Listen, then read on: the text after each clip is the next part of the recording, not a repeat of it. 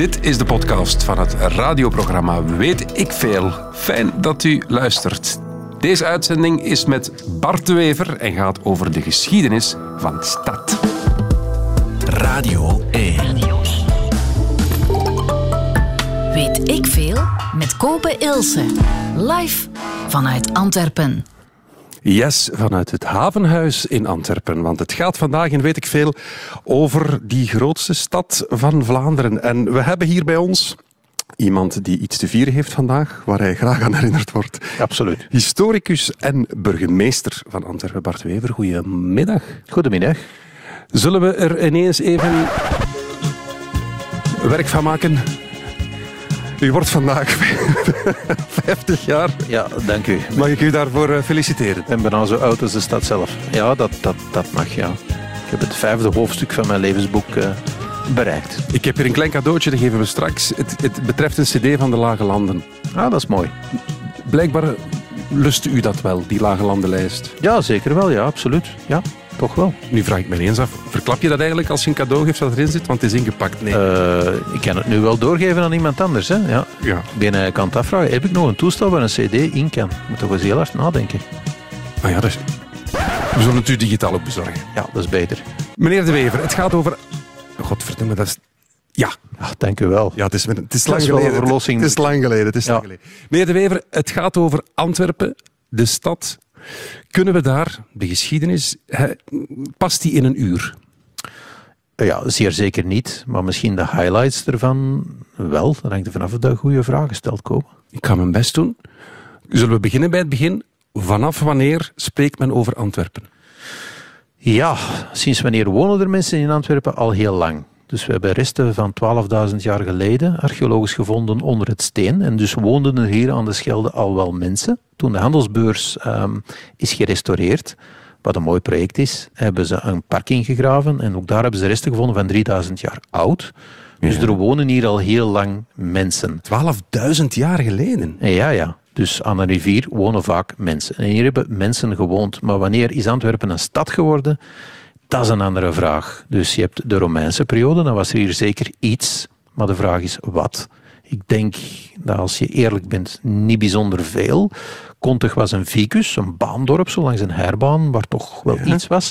Antwerpen was wellicht nog iets minder dan dat. Men heeft lang gedroomd dat er een castellum zou geweest zijn, een Romeinse legerplaats. Op een gegeven moment dacht men die gevonden te hebben, waar zelfs valse archeologische resten in de grond gestopt. Sorry? Aan het, ja, ja, ja. In, in, er is een tijd geweest dat mensen het verleden belangrijk vonden en ook graag verbonden wilden zijn met het roemrijke Romeinse verleden.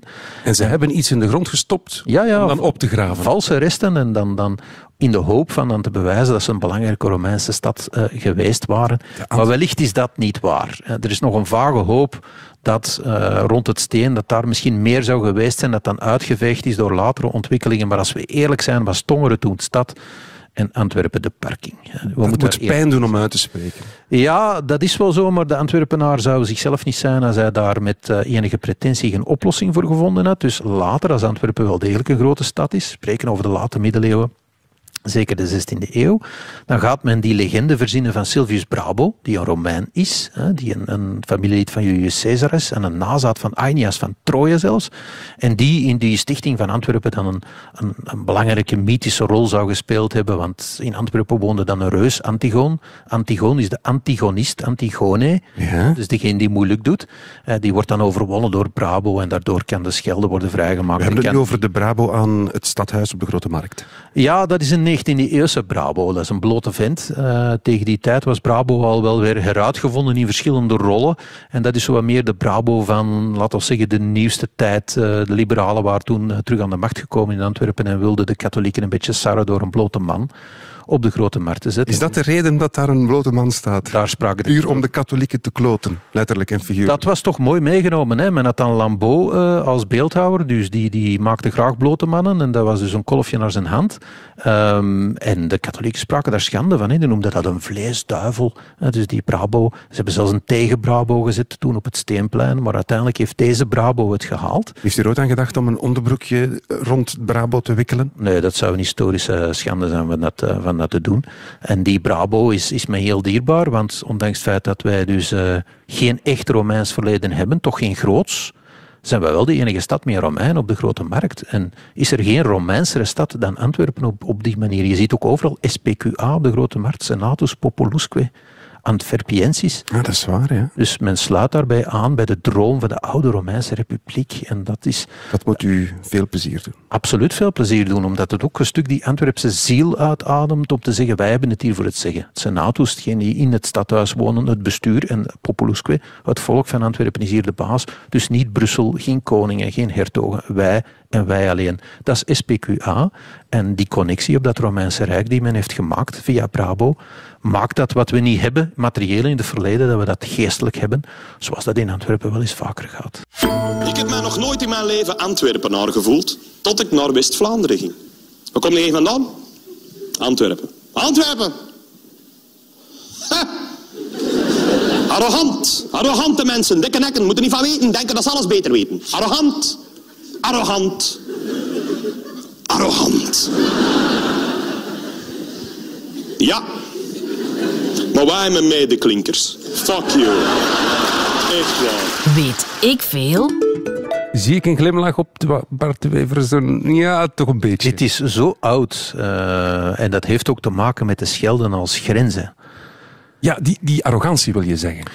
Ja, die arrogantie die is eh, al beschreven door Granvelle. En wie is Granvelle? Dat was een bisschop die de raadgever was van Margaretha van Parme, onze landvoogdis in de Spaanse Nederlanden. Welke jaren zitten we nu? We spreken nu over de 16e eeuw, vlak voordat de vermaledijde Alva eh, naar de Nederlanden komt, die genoegzaam is bekend. En die Granvelle op een gegeven moment wordt na lang zagen van Antwerpen naar een ander ook voortgestuurd.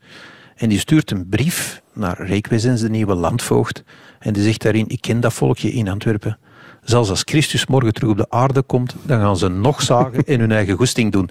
Dus die heeft daar eigenlijk al die arrogantie beschreven, die, ja, waar je in West-Vlaanderen over het water wel eens mee geconfronteerd wordt, in het graafschap Vlaanderen. Want aan deze kant van de Schelde ben je in het hertogdom Brabant. En dat is nogal een belangrijke grens. Is dat vandaag nog altijd terecht, die eh, opmerking over de arrogantie, vindt u? Wel, daar zal wel iets van aan zijn, want die stad die heeft haar glorieperiode in de 16e eeuw beleefd. En dan was dat het New York van zijn tijd, zonder enige twijfel. was een van de belangrijkste steden van de wereld. Ondertussen was ook onderdeel van het grote Habsburgse Rijk. Karel V in Gent geboren. Niks is perfect, hij was in Gent geboren. Maar die wordt ook Duitse keizer. Die wordt eh, eh, meester van de Nederlanden, hè, het huidige Nederland en België. En ook van de Spaanse kroon, maar wel op een moment dat hij net ook de nieuwe wereld gaan veroveren. Dus dat is een gigantisch wereldrijk. En de belangrijkste stad daarin is zonder enige twijfel Antwerpen geweest. Dus eh, wij beelden ons vandaag nog altijd in dat we de belangrijkste stad van de wereld zijn. Maar toen was dat ook echt zo. En dat cosmopolitisme, dat, dat idee van wij, zijn, wij spelen Champions League, eh, dat heeft Antwerpen nooit verlaten. Goed, laat ons even teruggaan naar het begin. Vanaf wanneer spreekt men over, of heeft deze ja, nederzetting, want je hebt al verteld, 12.000 jaar geleden zouden hier in die Scheldebocht al mensen gewoond hebben. Maar vanaf wanneer spreekt men over Antwerpen? En van waar komt dan die naam Antwerpen? Dat is een hele goede vraag. Eh, dus als je dat op straat vraagt, zullen de meesten zeggen, ja, dat komt van Antwerpen. hè. Brabo Die Brabo staat Markt. op de Grote Markt, heeft de hand van de reus, hij heeft die afgehakt om de Schelde vrij te krijgen en smijt die in de Schelde. Handwerpen, Antwerpen ligt voor de hand. Dat is het dus niet. Dat is een verzinsel. Ehm, en dan zijn er twee theorieën. Die naam Antwerpen bevinden die voor de eerste keer in bronnen rond het jaar 700. Je hebt het heilige leven van Eligius, die als bisschop eh, de Antwerpenaren gaat bezoeken. Daar in dat document staat Antwerpenaren, hij komt naar Antwerpen. En we hebben ook een munt gevonden waar het woord Anderpus op staat. Dat is ook van het jaar 700. Dat is de Merovingische periode. Je hebt het Romeinse Rijk, dat valt. De Franken nemen over. In het begin de Merovingers, Karel de Grote, de Carolingers. Carolingers Antwerpen weten we archeologisch vrij goed hoe dat, dat er heeft uitgezien. Dat was ongeveer rond het steen een aantal hoeves die daar stonden met een gracht rond op een eilandje bijna. Ah, ja. Daarvoor is het Kunnen we daar nu nog iets van terugzien ergens? Of is Archeologisch zal je Nee. daar nog vondsten van vinden, eh, maar je gaat daar niet veel van dat Carolingisch Antwerpen terugvinden.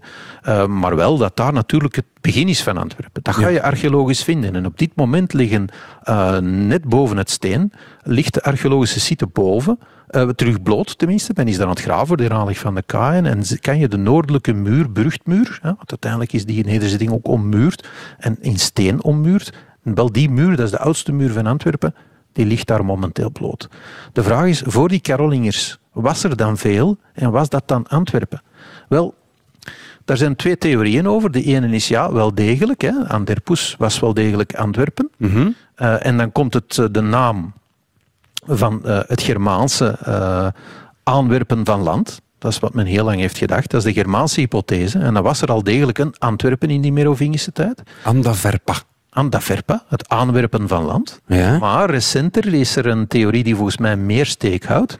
En dat is dat die naam, Anderpus, niet zozeer verwijst naar die kleine nederzetting hier, maar naar een volk dat in deze contraien heeft uh, gewoond en dat men de Antwerpenaren noemde en die ook op linkeroever hebben gewoond. Want eigenlijk het bisdom van Eligius stopte aan de Schelde. Dus waarom zou die zijn overgestoken? Dus dat is reden echt om te twijfelen of dat, dat wel klopt. En die theorie zegt nee, het komt niet van de Germaanse naam Andaverpa, maar het komt van Keltisch, laat Latijn, Anduairipai, het volk dat op beide oevers leefde. En als dat juist is, ja, dan betekent dat, dat dat Antwerpen eigenlijk verwijst naar een volksnaam en niet zozeer naar een plaatsnaam. En dat zou historisch wel een en ander kunnen verklaren, hè, want wij weten dat de Noormannen hier zijn binnengevallen in de 9e eeuw. Maar eigenlijk is het niet echt zeker dat dat wel degelijk hier was. Dat kan ook wel ergens anders bij die Antwerpenaren geweest zijn. En dat is een hele fascinerende theorie, die volgens mij meer steek houdt. En dat verplaatst het echte startschot van Antwerpen als stad naar toch nog iets later. Volgens mij is het echte startschot van Antwerpen op het moment dat wij een markgraafschap worden als keizer Otto I van Duitsland. Het is na Karel de Grote, weet je, zijn rijk valt in drie stukken uiteen. Hè? Je hebt Duitsland, je hebt Frankrijk en je hebt dat stuk daartussen, Lotharingen. Daar hebben we meer dan duizend jaar oorlog om gevoerd. Heel veel oorlogen in Europa gaan over dat middenstuk. Wie is daar de baas? Van Noord-Italië tot bij ons. Uh, wel, die Duitse keizer, die gaat uh, in 974, sluit hij een verdrag en leggen ze de grens vast. En die grens, dat is de Schelde. En daarom is dat tot vandaag mentaal nog altijd een belangrijke grens de mensen van over het water, ja. die zitten in de invloed van de Franse koning. De mensen hier, in het hertogdom Brabant, zitten in invloed van het heilige Roomse Rijk van de Duitse natie.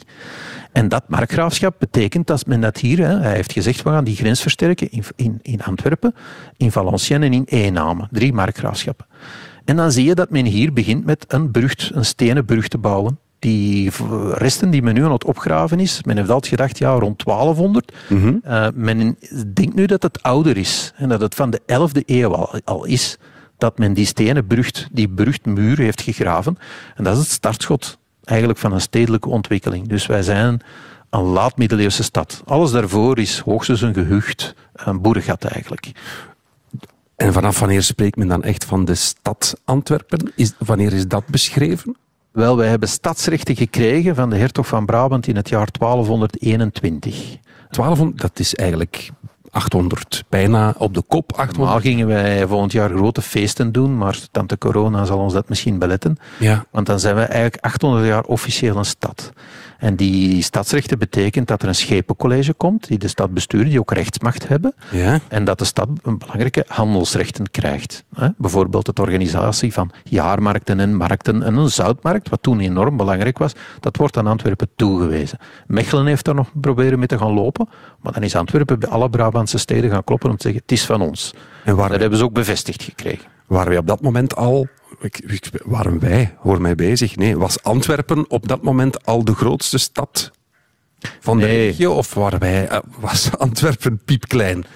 We waren zeer zeker zelfs niet de belangrijkste stad van het hertogdom Brabant. Uh, daar moet je realistisch in zijn. En in die tijd zijn het eigenlijk vooral de Vlaamse steden, Gent en Brugge, Ja. die de belangrijkste steden zijn uh, bij de belangrijkste steden ten noorden van de Alpen. Hè. Dat, uh, dat is voor de middeleeuwen moet je eigenlijk in, over het water zijn, in het graafschap. Mhm. de glorietijd van Antwerpen begint eigenlijk na de middeleeuwen, in de loop van de 15e en dan vooral de 16e eeuw. we worden onderdeel, hè, we worden de hertogen van, van Bourgondië verenigen de Nederlanden. Die Nederlanden gaan dan op in dat grote Habsburgse Rijk met Karel V. En dan gaat Antwerpen als een raket uh, omhoog. Dan worden wij de uh, internationale jetsetplaats voor iedereen die iets in handel betekent. Iedereen komt ook naar hier voor handel. Handel van de nieuwe wereld. De suikerui, de rietsuiker komt hier binnen. Um, alle mogelijke Venetianen, uh, Balten, Duitsers, Hanzen, die komen hier allemaal handel drijven. De intellectuele jetset van Europa komt, komt, komt naar hier. De boekdrukkunst. Op een gegeven moment werden de helft van alle boeken in de Nederlanden werden in Antwerpen gedrukt. Mm -hmm. Dat was zelfs nog voor Plantijn moest beginnen. Eh, dat wordt hier, ja, dat, the place to be. Eh, dat is onze absolute glorietijd. Maar die zit eigenlijk al na de middeleeuwen. Ja, dus eigenlijk hebben wij Brugge volledig van de kaart gespeeld. Want Brugge was in der tijd toch hè, het Venetië van het noorden. Die borzen, de, beurs, de beurs is daar Dat is begonnen. een, een Brugse familie hè, Ja. van de beurzen. Voilà, dus we hebben die eigenlijk...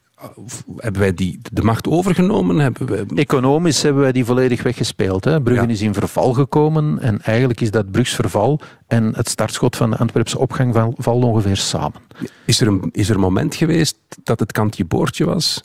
Of Antwerpen het wel zou halen? Of het wel de stad zou worden? Wel, wij, hebben, eh, wij zijn een tijd eh, de speelbal geweest tussen de graaf van Vlaanderen en de hertog van Brabant. Dat klopt, hè, waardoor dat wij wel eens van de ene hand in de andere hand eh, overgingen. Eh, maar uiteindelijk, ja, eh, zeker eh, met de komst van, van Karel V, ehm, is Antwerpen ja, the place to be geworden. Weet ik veel? Over de geschiedenis van de stad die eigenlijk volgend jaar 800 jaar de naam stad mag en moet dragen. En in 1974 gebeurde ook een zeer belangrijk moment voor de stad. Antwerpens eerste en enige seksboutique kan zich verheugen in een grote belangstelling. En dat vanwege alle lagen van de bevolking, zoals het heet. Dit zijn een serie etalage geluurders. Voor de jong kat is stil schoon. Vindt het, vindt het schoon. Voor mij zakt zoiets voor mijn dochter, verstaat het? Aan de prijs van 250 frank ligt er een open slip. Eh, waarvoor is dat goed, een open slip? Ja, ik zal dat eens eerst met de vrouw overklappen. Hè. Ik zal er wel eens mee langskomen. Hè. Waarvoor dient een open slip? Ehm, ik veronderstel. Om van alles, eh, ik weet het niet. eh, je, eh, Nee. Zelfs zou ik het weten, zou ik het eigenlijk niet willen zeggen op de radio. Terug naar de geschiedenis. Graag. Oké, 74, eerste sekswinkel. Waar zijn wij altijd vooruitstrevend geweest?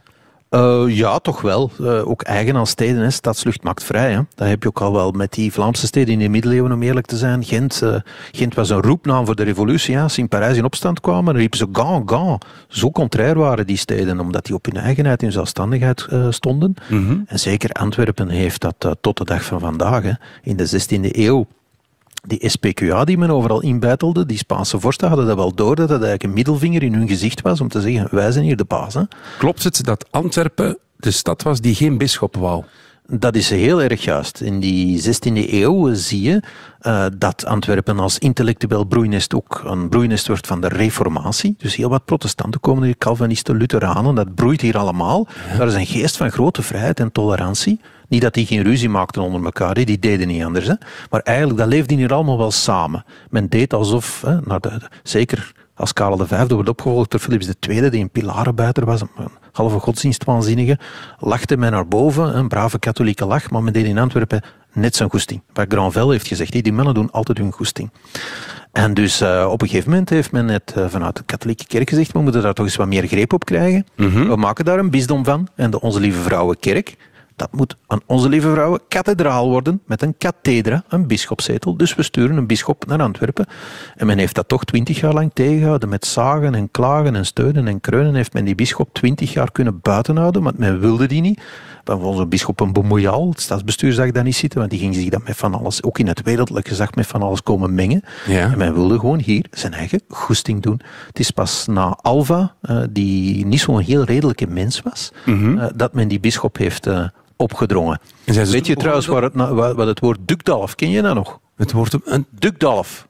Nee. Uh, Dukdalf is een Antwerps voor een onnozelaar en dat is eigenlijk Dukdalbe, de hertog van Alva. Maar, Een Dukdalf. Dat eh, stamt uit de goede herinnering aan deze brave mens die hier een paar jaar lang het schoon weer is komen maken. wist ik niet. Maar we, we zien hem van hier staan, de kathedraal. Ja, Dus die is dan uiteindelijk wel gebouwd. Hè?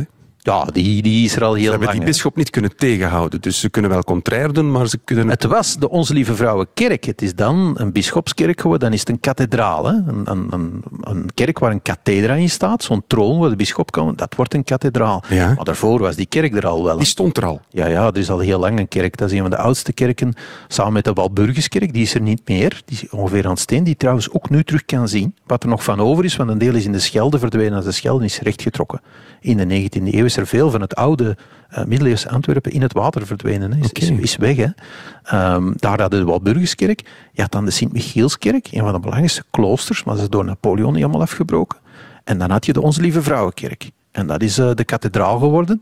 Men heeft uh, daar van de 12e eeuw is daar zeker een kerk. Dan heeft men een Romaanse kerk gebouwd. Zo'n robuuste kleine kerk, je kent die wel, met die kleine venstertjes, dikke muren. En dan is men aan een gotische kerk begonnen in de 14e eeuw. En daar heeft men aan gebouwd tot 1521. Waarom hebben jullie geen twee torens Aha. in Antwerpen? Want dan denk ik, het is zo'n trots volk. Arrogant, lekker contrair. En dan toch zet je daar een gust van een kathedraal en heb je maar één toren en staat die andere zo, ja, slap te wezen, die tweede toren. Ja, dat is een eh, merkwaardig verhaal. Die kathedraal is voor mij het symbool van een stad die nooit af is. Die kathedraal is ook nooit afgeraakt. Er wordt nu volle bak aan gewerkt. Ik heb die werken bezocht. Dat is ongelooflijk indrukwekkend. Dikke facturen ook, heb ik me laten... Dat, is, eh, dat kan wel tellen, ja. Want Ja. die toren is van de stad, want dat is een Belfort-toren. Eh, Dus die, het schip is van, eh, van de kerkfabriek, ja, is nu door de provincie beheerd. Die toren is van de stad, dat was ook een uitkijktoren. Zoals de Belforten in het graafschap Vlaanderen. Hier heb je geen Belforten in het hertogdom, maar heeft men vaak die kerktorens gebruikt. Daar zat ook een brandwacht in. Dag en nacht sliepen daar mensen. Hè. Die hadden daar een kampvuurtje boven en matrassen.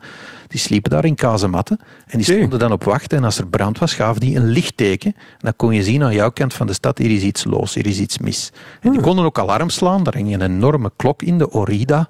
De verschrikkelijke, Orida Vocor. Eh, die werd dan geluid en dan wist je dat het, dat het fout zat. En dus die kathedraal die is altijd onder constructie geweest. En in 1521 opent men die met de jonge keizer Karel, die dan naar Antwerpen komt. Alle schoonvolk is hier in de geschiedenis gepasseerd. Je kan er niet geloven wie hier allemaal al is langs geweest. Dus die komt hier, die opent die kerk. En Pardoes zegt hij van ja, mooi, maar ik wil een grotere kerk. Want ik ben de belangrijkste man van de wereld. En ondertussen is er een Sint-Pieter in Rome. En ik kan toch niet hebben dat, er, dat ik in mijn belangrijkste stad geen grotere kerk heb. Antwerpen moest concurreren met Rome. Wij moesten de grootste kerk ter wereld bouwen. En men is er ook effectief aan begonnen. En uiteraard heeft men dan de oude eh, bouwplannen even on hold gezet, want veel moest dan worden terug herbouwd en zelfs afgebroken om een veel grotere kerk te bouwen. En je kan die grotere kerk nog zien in de tuin van de kathedraal. Dat is een verborgen pareltje dat weinig mensen kennen, maar de kathedraal heeft een tuin. Ja. En die tuin die eindigt in de nieuwe koormuur, die er vandaag nog altijd staat. Je ziet die niet meer van op straat. De lijnwoudmarkt volgt die typische kromming van het koor van een, eh, van een, eh, van een kerk. En ehm, dan gebeurt er iets verschrikkelijk. In 1533 brandt die kathedraal af. En zoals dat wel eens vaker gaat. eh, ondertussen, Karel die was overal in Europa oorlogen aan het voeren, dus die keek niet meer om, bij wijze van spreken. En met die brand heeft men zich dan gefocust op de restauratie. En sindsdien zijn we die kerk aan het restaureren tot in het oneindige. Dat hebben we sindsdien... Komt er ooit een tweede toren? Nee, dat denk ik niet. Want het zou, toch, het onzinnig zou toch zijn. een om die- vervolmaking zijn van? Ik, eh, ik, ik vind het persoonlijk eigenlijk niet. Het is de meest perfecte gotische toren van de wereld. Dat is geen Antwerpse arrogantie. Dat is echt zo. Ga maar eens kijken. Omdat die helemaal in steen is afgebouwd. Dus dat is een perfecte raket tot boven. Als je naar andere gotische torens gaat kijken. Kijk, de Sint-Rombouts in Mechelen. Dat hangt zo bom in een plat dak. Hè. Lelijk. Echt gewoon lelijk. Eh, anderen hebben daar dan in Leien, in Leistinen, zo een, een puntdak opgezet. Ja, dat is het niet. Hè. Je moet die gotische toren tot in de kroon in steen afbouwen. En die Antwerpse toren is een van de weinige gotische torens die perfect in steen tot boven is afgebouwd. Ik ben daar onlangs nog boven geweest om de haan terug te zetten. En eigenlijk hoe dat men dat heeft kunnen bouwen in de 15e en de 16e eeuw, daar sta je van versteld. Dat is, dat is onwaarschijnlijk hoe dat men tonnen steen naar naar boven heeft gedragen om dat tot in de kroon af te werken. Die is perfect en daar past volgens mij geen tweede toren naast. En ik was iemand die uit Borgerhout komt. Hè? Ja, jullie kennen allemaal Borgerhout? Hè? De meeste mensen kennen dat als...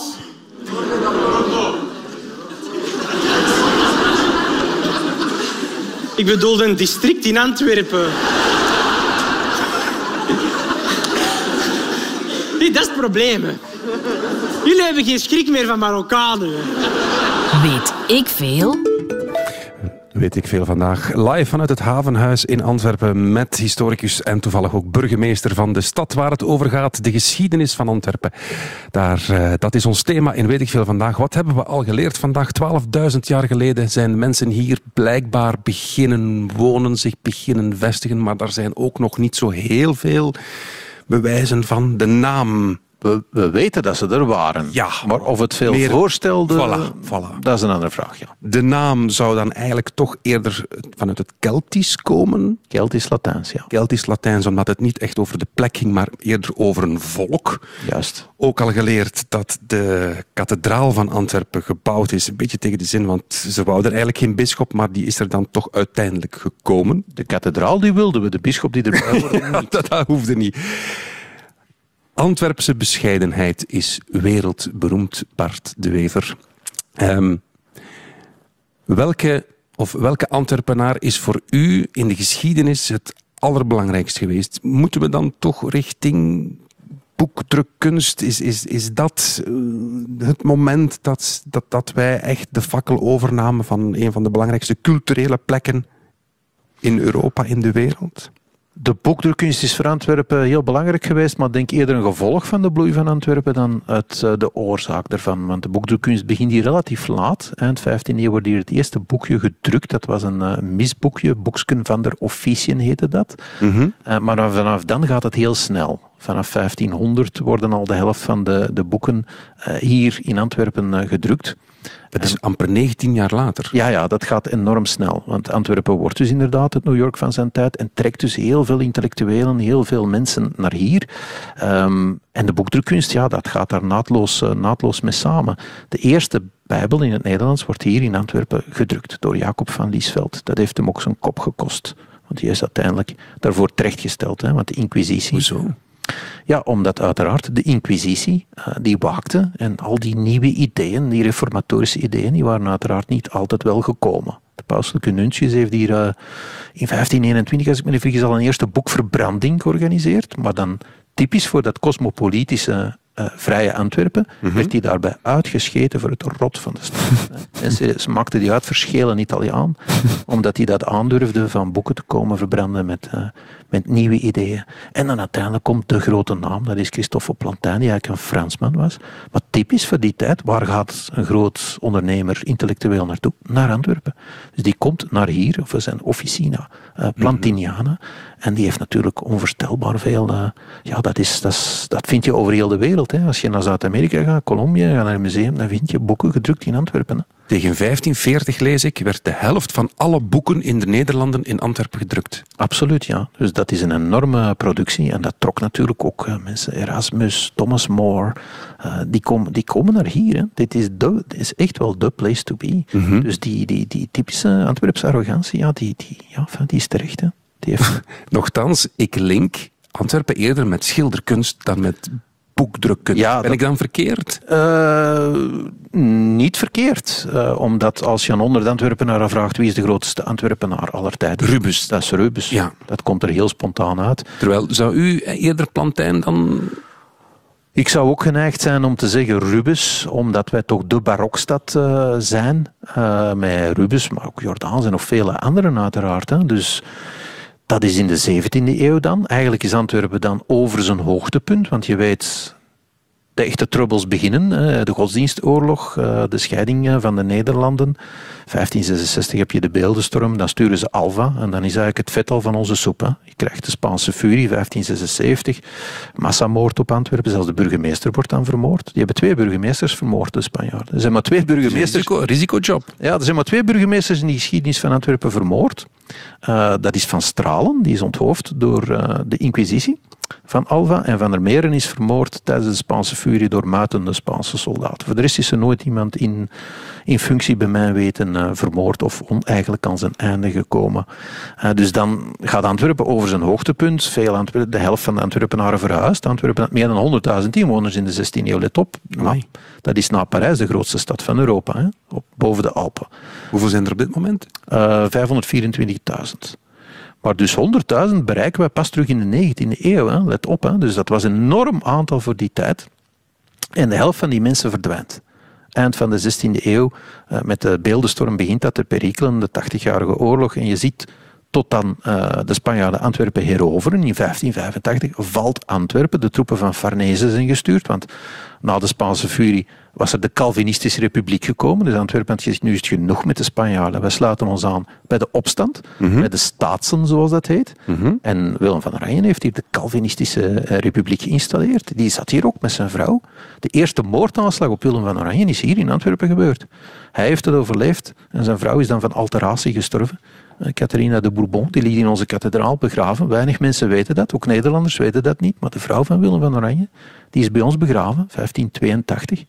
De Spanjaarden sturen dan eh, de troepen van Farnese. Die leggen een brug over de Schelde. Dat moet de eerste brug geweest zijn die over de Schelde ooit gebouwd is. Een scheepsbrug. Waar lag die? Uh, die lag ongeveer waar dat nu Deme is, uh, in het noorden. Eigenlijk, want die dienen om de Schelde te blokkeren. Ah, oké. Dus je kon er niet meer uit. En dus Antwerpen werd op die manier omsingeld en afgesneden. De Antwerpenaren hebben dan nog twee schepen vol explosieven gestuurd om die scheepsbrug te proberen op te blazen met lonten, de Hoop en de Fortuin. Vandaar de Fortuinstraat in de Goede Hoopstraat, waar jij ongeveer woont. Waar Chris Peters Hoe weet je waar ik woon? Oh, burgemeester weet zo. Maak je daar geen zorgen over. Ja. Chris Peters die woonde in de Goede Hoopstraat ook eventjes. En die zei van ja, dat is de goede hoop voor de verkiezingen, maar hij wist niet dat dat eigenlijk naar een ontploft en mislukt schip was, dat die straat is, is genoemd en niet naar Kaap de Goede Hoop. Dus ze hebben geprobeerd om dan nog uit die omsingeling te geraken, maar dat is niet gelukt. Dus die troepen van Farnese hebben Antwerpen genomen. En in 1585, dat is het rampjaar uit onze geschiedenis, ja, worden wij eigenlijk geknakt van die gouden eeuw. Maar wat overblijft is zeker uh, de schilderkunst en de barok. Uh, dus de contrareformatie, de bouw van de Carolus Borromeus, uh, de Sint-Lucas-schilde, die in de handelsbeurs haar, haar plek vindt. Dus omdat de beursactiviteit met de economische activiteit naar beneden was gegaan, komen er andere activiteiten. Mhm. En Rubens heeft daar geschilderd in de handelsbeurs, de Sint-Lucas-schilde. Die wordt pas opgegeven in de Franse tijd en verhuist dan naar de Mutsaartstraat, de academie. Daar ligt de wortel eigenlijk van de academie uh, hier in Antwerpen. Mooi gebouw. De handelsbeurs of de academie? Allebei. Allebei, ja. Klopt het dat u voor uw 50ste verjaardag normaal de handelsbeurs ging afhuren om daar een knalfuif te geven? Uh, knalfuif uh, zeer zeker niet. Uh, maar ik was wel van plan daar iets te doen, omdat toen ik burgemeester werd, ben ik naar de handelsbeurs gegaan. En die stond toen op instorten. Dak kwam naar beneden en ik ben daar echt beginnen schrijven. Dat gebeurt nu niet zo eenvoudig en ik ben een stoïcijn, dus ik probeer mijn emoties onder controle te houden, maar daar ben ik echt beginnen schrijven. En wij hebben alles op alles gezet en je moet nu vandaag eens gaan kijken hoe die eruit ziet. En hoe je eigenlijk terug in die 16e eeuwse glorie treedt. Weliswaar met een 19e eeuwse makeover tot en met. Hè. Mm -hmm. Een beetje zoals het stadhuis. Van binnen is eigenlijk meer 19e eeuw dan 16e eeuw, maar dat zeggen we niet aan bezoekers. Maar daar zie je die 16e eeuwse glorie. Als je daar binnenkomt, dat is, dat is fantastisch. En ik dacht, ja, misschien is dat ook wel een leuke plek om een halve eeuw van mijn eigen bestaan eventjes te markeren. Maar corona heeft daar een stokje voor gestoken. Vindt u dat voorlopig het hoogtepunt van uw burgemeesterschap dan? Die handelsbeurs restaureren, die, die 16e eeuwse glorie herstellen? Het is een stuk een symbool. Ik vind dat een stad uh, moet uh, bewegen, een stad daar moet in gebouwd worden. U zit ook in een heel merkwaardig gebouw. Hè? Dit havenhuis is van Zaha Hadid, dus dat is heel moderne architectuur. En ik vind een stad die niet verandert, die niet voortdurend beweegt, die niet uh, het nieuwste aantrekt, dat is een stad die niet leeft. En wij zijn een pocket-sized metropolis. We hebben maar 500.000 inwoners. Maar door de haven, door de diamant, door de industrie, door de petrochemie spelen wij nog altijd Champions League. Die 16e eeuw, dat is eigenlijk vandaag hernomen. Als ik naar het buitenland ga en ik ga naar een mayorsforum, dan zit ik aan de tafel met de burgemeester van Shanghai, dat is onze zusterstad. 30 miljoen inwoners, alstublieft. Bent u nu aan het stoeven of meent u Nee, dat is echt zo. En waarom doen wij mee? Waarom kennen die Chinezen ons? Omdat ze de Port of Antwerp kennen. Dat kennen ze zeer, zeer goed. Of omdat ze tuk zijn op diamanten. En die diamanten die komen uit Antwerpen. En dus wij spelen boven ons niveau. We zijn maar met 500.000. Maar wij zijn wel een pocket-sized metropolis. Hier is het nog altijd te doen. En dat denk ik is, uh, dat is heel belangrijk dat je dat gaande houdt. Mm -hmm. um, ik vroeg u welk nummer u graag zou willen horen in een aflevering van weet ik veel over Antwerpen, de geschiedenis. En u moest niet lang twijfelen? Nee, want The Strangers, dat is de soundtrack van mijn, uh, van mijn jonge jaren. Ik ben daarmee opgegroeid met die LP's, hè, nog van die zwarte schijven die mijn kinderen niet zouden herkennen als muziekdrager. En Antwerpen is, is recent, na het overlijden van Stranger Pop, door de gemeenteraad erkend als ons officieus volkslied. Mm -hmm. uh, het is denk ik ook iets wat elke Antwerpenaar van een zekere leeftijd wat sentimenteel maakt. Gaat u opnieuw uw handelsbeurs-schrijwerk ehm, laten gebeuren? Of blijft u stoïcijns onder dit nummer? Ik eh, heb mijn tranen altijd alleen geschreid kopen, dus u moet van mij niks verwachten. De camera's lopen nogthans. Net daarom, ja. De lichtjes op de schelde, de baaierd van de toren, mensen op een bank. Een angstig vrouwke en de vlakke schank. De straat waar ik vroeger katteke speelde.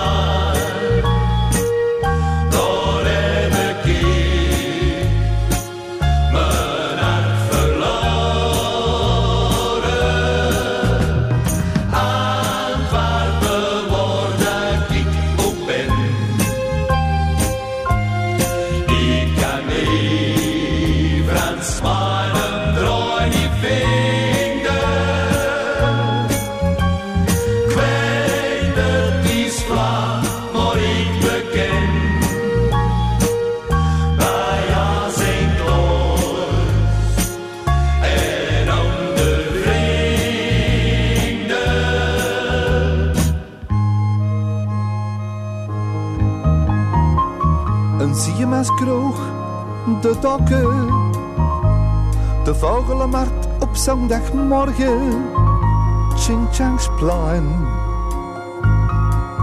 En Brabo Zee van zijn Meneer fontein. De Wever, dat heb ik me altijd afgevraagd. Waarom zingen ze Chinchansplein? Dat is Antwerps, hè? Ching Chang's Plan. Eh, waarom zingen ze dat? Omdat wij dat zo uitspreken in onze zoete tongval, die ons eh, zo eigen maakt. Hè? Dus dit prachtig, is- prachtig dialect, hè, Antwerps. Zo zoet en zo zacht. Dit is het, eigenlijk vanaf nu het officiële volkslied. Ja, officieus eigenlijk. hè. Officieus. Ja, een officieel volkslied kan je, niet, kan je dat niet noemen, maar eh, met het overlijden van Stranger Bob eindigt er toch een tijdperk zo. Mhm. het, het- dat is het Antwerpen van de 20e eeuw, de tweede helft 20e eeuw. De soundtrack van, van die periode is The Strangers. Daar gaan we nog heel snel even over. Langdurige besprekingen met de bevoegde ambtenaren van mijn departement en na consultatie van verschillende betrokkenen instanties ben ik tot de conclusie gekomen dat een tunnel de meest aangewezen oplossing is voor de tweede Schelde-oeververbinding te Antwerpen. Tunnel. Ja, als de Waaslandtunnel is geopend in 1933, dan vroeg iemand aan burgemeester Huismans, een Franstalig journalist, is het nu een tunnel of een tunnel? En Huismans antwoordde, bent u een pummel of een pummel? Is dat echt gebeurd? Dat is echt gebeurd, ja. Dat is Wat eigenlijk ook arrogant om dat te antwoorden. Hè? Nee, dat is weer dat rebelse eigen karakter van Antwerpen. Een van de eerste steden om ook te vernederlandsen. En eigenlijk ja, die Franstalige, Franstalige bovencultuur, hè, die ons eh, eeuwenlang heeft, eh, heeft beheerst, en zeker in de 19e eeuw. eh, nog, nog was het Frans nog de taal van de elite. Hè. Kijk naar alle oude straatnaamborden in Antwerpen, zijn nog in het Frans. hè. Je vindt die nog heel veel. Dat Antwerpen een van de eerste steden is om te zeggen, nee, wij doen dit op onze eigen manier en in onze eigen taal. Is het altijd in die geschiedenis een, een, een zoeken geweest? Hoe gaan we die Schelde nu eigenlijk oversteken? Gaan we eronder? Gaan we erover? Ja. Zelfs nu nog altijd, de Lange Wapper is, dan, is er dan weer niets gekomen. De, de, er komt nu toch een tunnel. De fietsbrug waarvan sprake wordt ook weer gecontesteerd. Wat is dat toch? Ja, dat is al eeuwenlang een, een robbertje. Hè. Hoe steek je de Schelde over? Nu, de Schelde dat is, niet, dat is geen rivier, dat is een stroom. Dat is een getijdenrivier, dus dat is niet zo heel eenvoudig. De eerste brug Farnese. Hè. Sindsdien hebben wij een problematische geschiedenis met bruggen, want die eerste brug is niet gebouwd om ons te helpen. Napoleon die heeft een brug gepland. Die kwam hier in 1803 en die zei van we gaan een brug bouwen. En die wilden op Linkeroever de Ville Marie-Louise een, een nieuwe stad bouwen. Hè, Wat uiteindelijk ook wel gebeurd is, maar veel later. Dat was een visionaire man. Die heeft hier ook, je ziet het door de venster, de eerste dokken gegraven aan het Mas.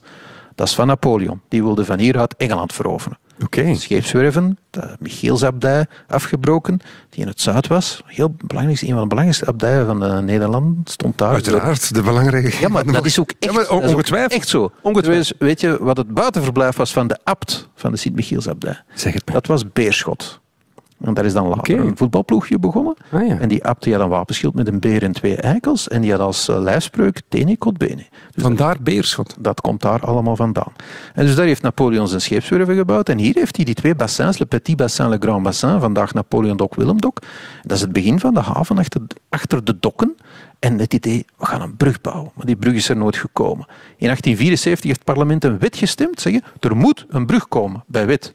Moet een brug komen. Waar staat die? Ja, die is er dan nooit gekomen. Nee. Men heeft wel Sint-Anneke, dat was toen Sint-Anna, dat was een dorp, is helemaal onder het zand verdwenen. Men heeft dat opgehoogd. Je ziet op Sint-Anneke op de plage goed oplet nog schoorstenen steken. Daar steekt een dorp onder, hè. dat heet Sint-Anna. Maar ja, dat heeft eh, Antwerpen later aangehecht. In 1923 hebben ze de linkeroever van Zwijndrecht afgepakt. Altijd met het idee, we moeten op die linkeroever zijn, we moeten daar geraken, we moeten iets doen.